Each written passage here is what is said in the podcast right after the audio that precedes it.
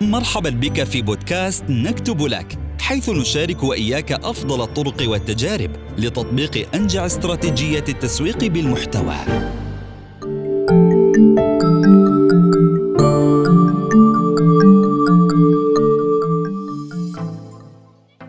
مرحبا معكم محمد الآغا وهاي الحلقة الثالثة من دردشة تسويقية عبر بودكاست نكتب لك من التحديات اللي بتواجه صناع المحتوى وخصوصا في مجال التسويق بالمحتوى أهمية إنتاج محتوى إبداعي وغير مألوف. بمعنى محتوى مميز ما بيشبه محتوى المنافسين وبقالب مختلف عنهم. في ظل تطور وسائل الاتصال والمنافسة الشديدة في هذا المجال صار كتير صعب إنتاج محتوى مختلف وخلاق. وبهيك بنلاحظ أنه المحتوى متشابه ومكرر لدى أغلب الشركات والمتاجر. الأمر اللي بيمثل مشكلة حقيقية لدى مدراء التسويق وصناع المحتوى اللي بيشتغلوا في هذا المجال. السؤال اللي بيطرح نفسه بقوة كيف ممكن تكتب عزيزي المستمع محتوى مميز متجدد فريد ومختلف عن المنافسين؟ في هاي الحلقة من دردشة تسويقية رح نجاوب عن هذا السؤال وأسئلة أخرى كتير مع ضيفنا عباس صحراوي مسؤول استراتيجيات التسويق بالمحتوى في وكالة نكتب لك. مرحبا عباس. أهلا وسهلا بك أخي محمد. الله يستك رب وأنا كذلك متحمس جدا إن شاء الله للبدء بالحلقة حكينا في مقدمة الحلقة عباس عن مشكلة كبيرة بيواجهها صناع المحتوى والمحتوى التسويقي بشكل خاص من التشابه والتكرار في المحتوى والأفكار التسويقية. كيف برأيك ممكن تجاوز هاي المشكلة وإنتاج محتوى قوي ومختلف فعلاً؟ سؤال جميل جدا يا محمد. وللتوضيح أنا هنا بتحدث آه، عن المحتوى الخاص بالمدونة أي المقالات والتدوينات اللي بتنشر عن المدونة. هذا هو المحتوى تحديدا اللي أنا أتحدث عنه في هذه الحلقة. آه، للتوضيح بس. بخصوص المحتوى عشان أولا يكون قوي أنت محتاج المحتوى هذا يكون واقف على أساس. شو معنى واقف على أساس؟ بمعنى أنك دائما تكون عامل استبيان بتسأل فيه جمهورك المستهدف بشكل دوري. فهون مثلا ممكن تسأل أسئلة عن المشاكل اللي هم بيواجهونها، التخوفات، الأذواق تبعهم، المهم إنك دائما المحتوى اللي أنت بتنشره يكون مبني على على أسئلة تهم جمهورك المستهدف عشان فعليا تقدر تجذبهم وتقدم لهم محتوى قوي، يعني توفر هذا العنصر فعليا بيخليك آه، تكون عملت الجزئية الأولى اللي هي إن المحتوى صار قوي، لأنك تكون كاتب لجمهور مستهدف بناء على مشاكل هذا الجمهور. فعليا أنت آه، المحتوى بيكون قوي جدا. لكي يكون هذا المحتوى مختلف فانت هون آه، لازم تمشي شوي بشكل آه، مختلف أكثر أو تبذل جهد أكبر. هون صراحة أنت محتاج تعمل الدراسات أو أو ال studies. كمثلا الدراسة دائما بتنشرها هاب سبوت بشكل سنوي. عن مثلا مثلا تكلفة الاستحواذ على عميل من خلال التسويق بالمحتوى أو مثلا شو هو الوقت المناسب عشان تبدأ تشوف نتائج من التسويق بالمحتوى فهاب سبوت عند أكثر من عميل فهي بتدرس هذه الشركات وبتطلع دراسات وبتقول لك يعني على شكل شرط إنه آه، والله هذا هذا آه، الإندستري تبع مثلا كذا النتائج تبع التسويق والمحتوى تبدأ تظهر فيها بعد الشهر السابع. هذا المحتوى بيكون شوي آه، محتاج جهد أكبر طبعا من المحتوى العادي بس هو اللي بيخليك مختلف. اولا القطعة راح تكون القطعة اللي انت راح تنتج راح تكون قطعة فريدة جدا للغاية وبالتالي راح تحصل على روابط خلفية أكثر وهذا راح يفيد موقعك تبع الموقع تبعك بشكل كبير جدا من ناحية السيو. فهذه هي الطريقة اللي أنا بشوفها عشان تعمل آه، محتوى مختلف. أو ممكن مثلا أنك آه، تعمل آه، مثلا تقدم محتوى تثقيفي على اليوتيوب أو بودكاست بس بشكل مختلف. بس عموما عشان المحتوى يبقى مختلف أنت لازم تبذل مجهود أكبر. لأن الاختلاف هون أنت بتقدم شيء مش موجود مش موجود مسبقا. فهون أنت يا إما تعمل studies لأن ال studies بتكون متعبة جدا وبتحتاج وقت ومجهودات أكثر ومصادر أكثر. فأنت لما تعملها فعليا بتكون آه، المحتوى تبعك مختلف تماما. والناس كلها تكون سعيدة به وسعيدة بقراءته وسعيدة حتى بمشاركته على منصات التواصل الاجتماعي وبالإشارة له. فأنت هون بتكون فعليا آه، كسبت كل الأمور لأي قطعة مقال آه، أي قطعة محتوى عفوا بتكون بتسعى لتحقيقها. هذا بيدفعنا لسؤال آخر. إنه شو السمات اللي لازم يتسم فيها المحتوى التسويقي علشان يصير قوي ومختلف؟ هل في سمات محددة برأيك عباس؟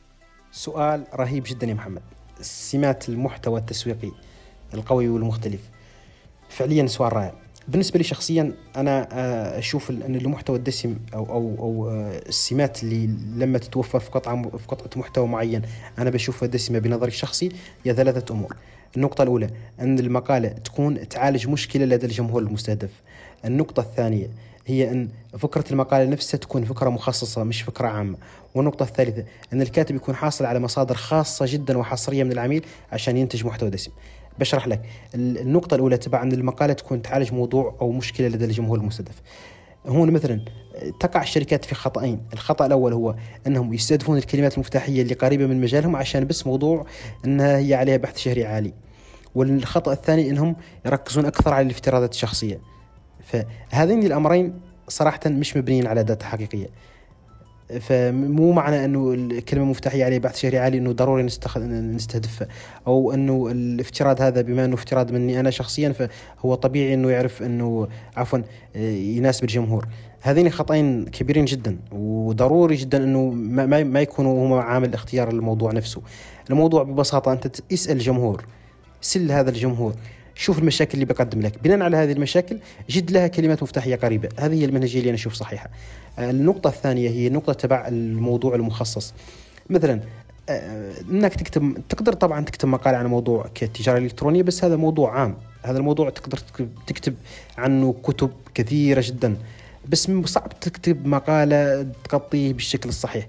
فخصصوا شوي جزوا على أجزاء. مثلا بدلا من التجارة الإلكترونية اختار جزء في هذه الموضوع اللي هو فتح سجل تجاري هذا جزء من التجارة الإلكترونية. عشان التاجر لازم أيضا بعد ما يكون حدد الأمور المحددة يصل لمرحلة إنه محتاج يفتح سجل تجاري عشان ال business يكون شوي آه، فعليا حقيقي صار business حقيقي. فهذا موضوع مخصص وتقدر تغطيه في مقالة. فهذه أيضا نقطة مهمة. النقطة الثالثة هي مسألة المصادر. المشكلة هنا أنه الشركات غالبا ما بتعطي الكاتب أي مصادر ولا حتى بتتعاون معه. يعني هي ما تستثمر جهد كبير في المحتوى. يا فقط بما أنك أنت كاتب تفضل الكلمة المفتاحية ويلا اكتب المقالة. هذا مش مش منهجية عشان تنتج محتوى قوي. أنت قاعد تنتج أصول راح تبقى منشورة على موقعك لسنوات فلازم تستثمر فيها الوقت والجهد الحقيقي عشان تطلع بشكل كويس. فاجلس مع الكاتب على كل مقالة مش مقالة واحدة على كل مقالة اجلس مع الكاتب في جلسات على زوم أعطيه مصادر كتب أو حتى اكتب أنت من نفسك مش بالضرورة تكون كتابة قوية المهم أنك توصل له القيمة الحقيقية عشان الكاتب يقدر يقدم قيمة قيمة قيمة حقيقية في المقالة. لأنك أنت لما تخلي الكاتب يكتب هو بس راح يكتب لك المألوف بأسلوب غير مألوف. وهنا مش مش معنى أن المقالة اللي قدم لك إياها دسمة. ممكن تكون منسقة بشكل كويس جميلة كذا كذا بس مش قيمة جدا. لأن القيم القيمة هون بيعرفها بس اللي في المجال اللي مارس المجال فعليا ويعرف ومارسه بإيده لفترة طويلة من الزمن وبيعرف فعليا خبايا هذا المجال. هذا بيعرفه قريبا المؤسس للشركة لأنه هو ما باني شيء المشروع اللي بانيه هو عنده فيه خبرة حقيقية كصاحب مثلا متجر عطور إلى غير ذلك. هذا بيكون مارس العملية بإيده وبيعرف فعليا كل شيء عن هذا المجال. فهو لما تسأله هو وخليه هو اللي يجلس معك ويعطيك القيمة. فهون أنت بتحصل على معلومات حصرية وقيمة ولما تقدمها فعليا مقالك بيكون مختلف وقوي. رائع عباس. لكن في ظل المصادر الهائلة من المحتوى على الإنترنت اللي بتزيد يوم بعد يوم واللي ما بيتم حصرها في المصادر العربية فقط هل ممكن نستفيد منها لتعزيز الأفكار وتدعيم المحتوى بأساليب وأفكار جديدة؟ كيف ممكن استخدامها بهذا الغرض برأيك؟ سؤال رائع جدا محمد أه رهيب صراحة أه المصادر اللي أنا أشوف لازم يتم بناها عشان عملية إنتاج المحتوى تكون قوية هي اولا أن يكون في تعاون بين الناس اللي عندها خبرة حقيقية في المجال مع كاتب المحتوى.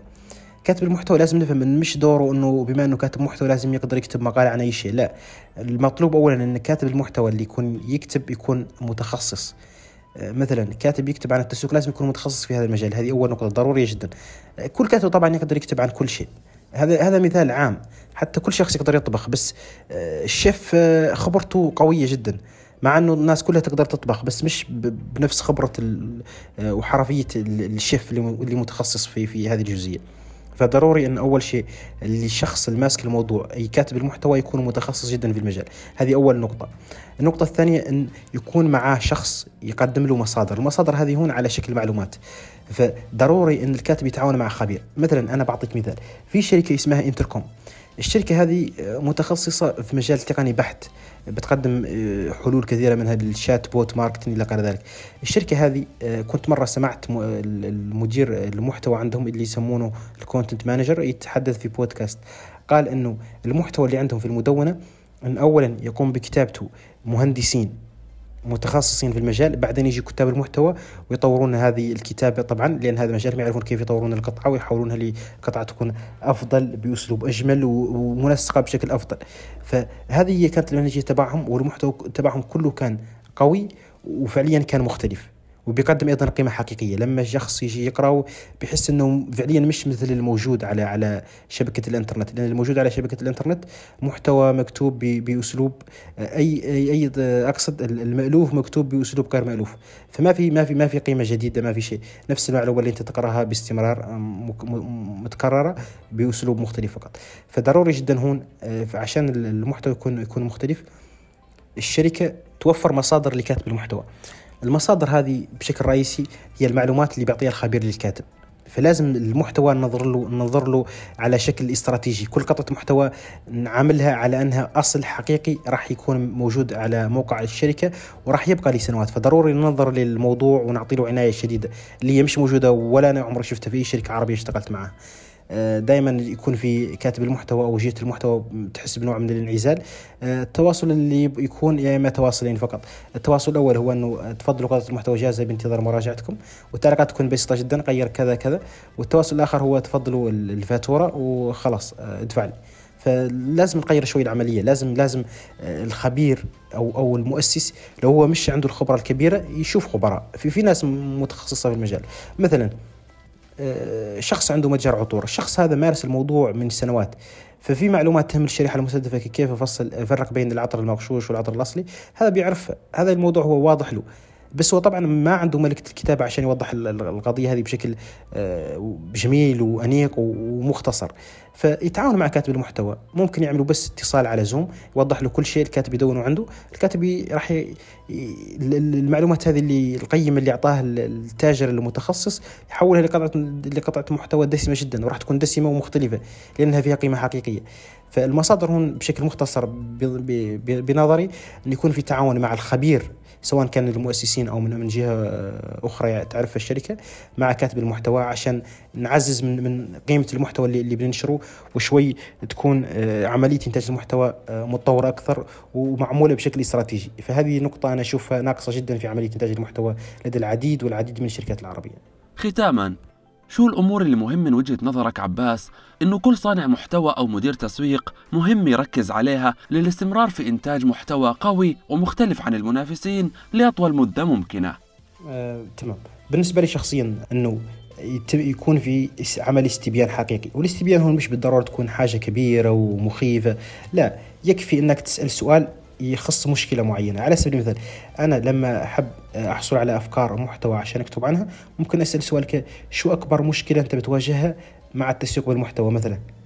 هون أنا السؤال هذا لو حصلت على 500 إجابة هذه أنا بعتبرها 500 موضوع أقدر أكتب عنه. وطبعا لو نظمتها مثلا على إنتاج مثلا 10 مقالات شهريا هي بتكفيني لعامين فصراحه أنا صار عندي محتوى يكفيني لعامين فهذه أول خطوة يكون في استبيان. الخطوة الثانية إن يجي فريق ال SEO أو الشخص المتخصص في ال SEO لو موجود وبناء على هذا الاستبيان يجد كلمات مفتاحية قريبة من مشكلة العميل اللي وصفها مش إنه المح... الكلمات المفتاحية تكون آه، أساس اختيارها هو عمليه البحث السريعة الكثيرة عليها لا.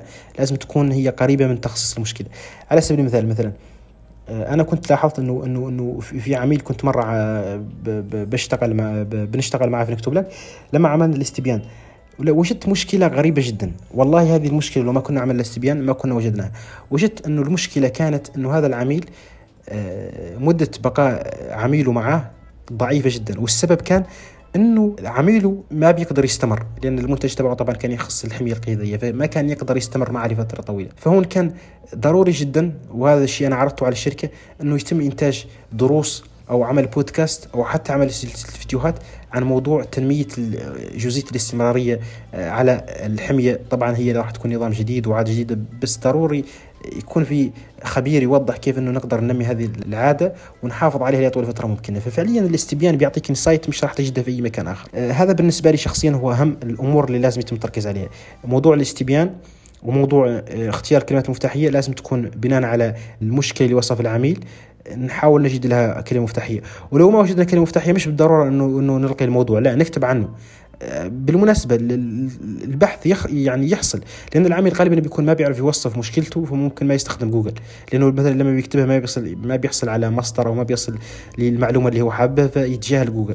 فأنت ضروري تكون مستهدف المواضيع بناء على أهميتها اللي وصفها لك العميل مش بس على قربها من كلمات مفتاحية. هاي طبعا عامل مهم بس لو مش موجودة مو معناها إني ألقي الفكرة لا أكتب عنها بغض النظر عن موضوع ما في عليه كلمة مفتاحية. فبالنسبة لي شخصيا هذين أشوف إنهم أهم معيارين آه، عشان آه، ننتج دائما محتوى قوي لأطول فترة آه، ممكنة. طبعا معيار ثالث كنت ذكرته في الإجابة السابقة هو موضوع التعاون أن يكون في تعاون حقيقي وجهد حقيقي ويكون في انتباه للموضوع. أنه الكل يكون حارس على إنتاج المحتوى مش بس يكون مفوض لجهة وخلاص. نحن فوضناه لهذه الجهة وخلاص. المحتوى بيصير ممتاز. لا لازم يكون في تعاون آه، على هذه العملية لأن هذه لازم نفهم إنه أصول الشركة بتنتجها وهذه الأصول أيضا المفروض إنها تجيب مبيعات لأن هي مرتبطة بشكل آه، بشكل ما أو بآخر بالبوتوم لاين تبع الشركة ككل فضروري ننظر له نظرة أخرى. فهذه اشوفها هي من أبرز الأمور شخصيا. بعد هالكم الثري من المعلومات المفيدة والحلول المبتكرة فعلا لإنتاج محتوى مميز ومختلف ومنافس بأشكرك جدا عباس بكل صدق. شكرا جزيلا يا محمد وأنا كذلك سعيد جدا بالحديث معك وبهذه الحلقة الرائعة الله يستك رب الشكر موصول لكم مستمعينا الكرام نلتقيكم في الحلقة القادمة من دردشة تسويقية استمعوا إلى دردشة تسويقية مع عباس صحراوي عبر بودكاست نكتب لك في ساوند كلاود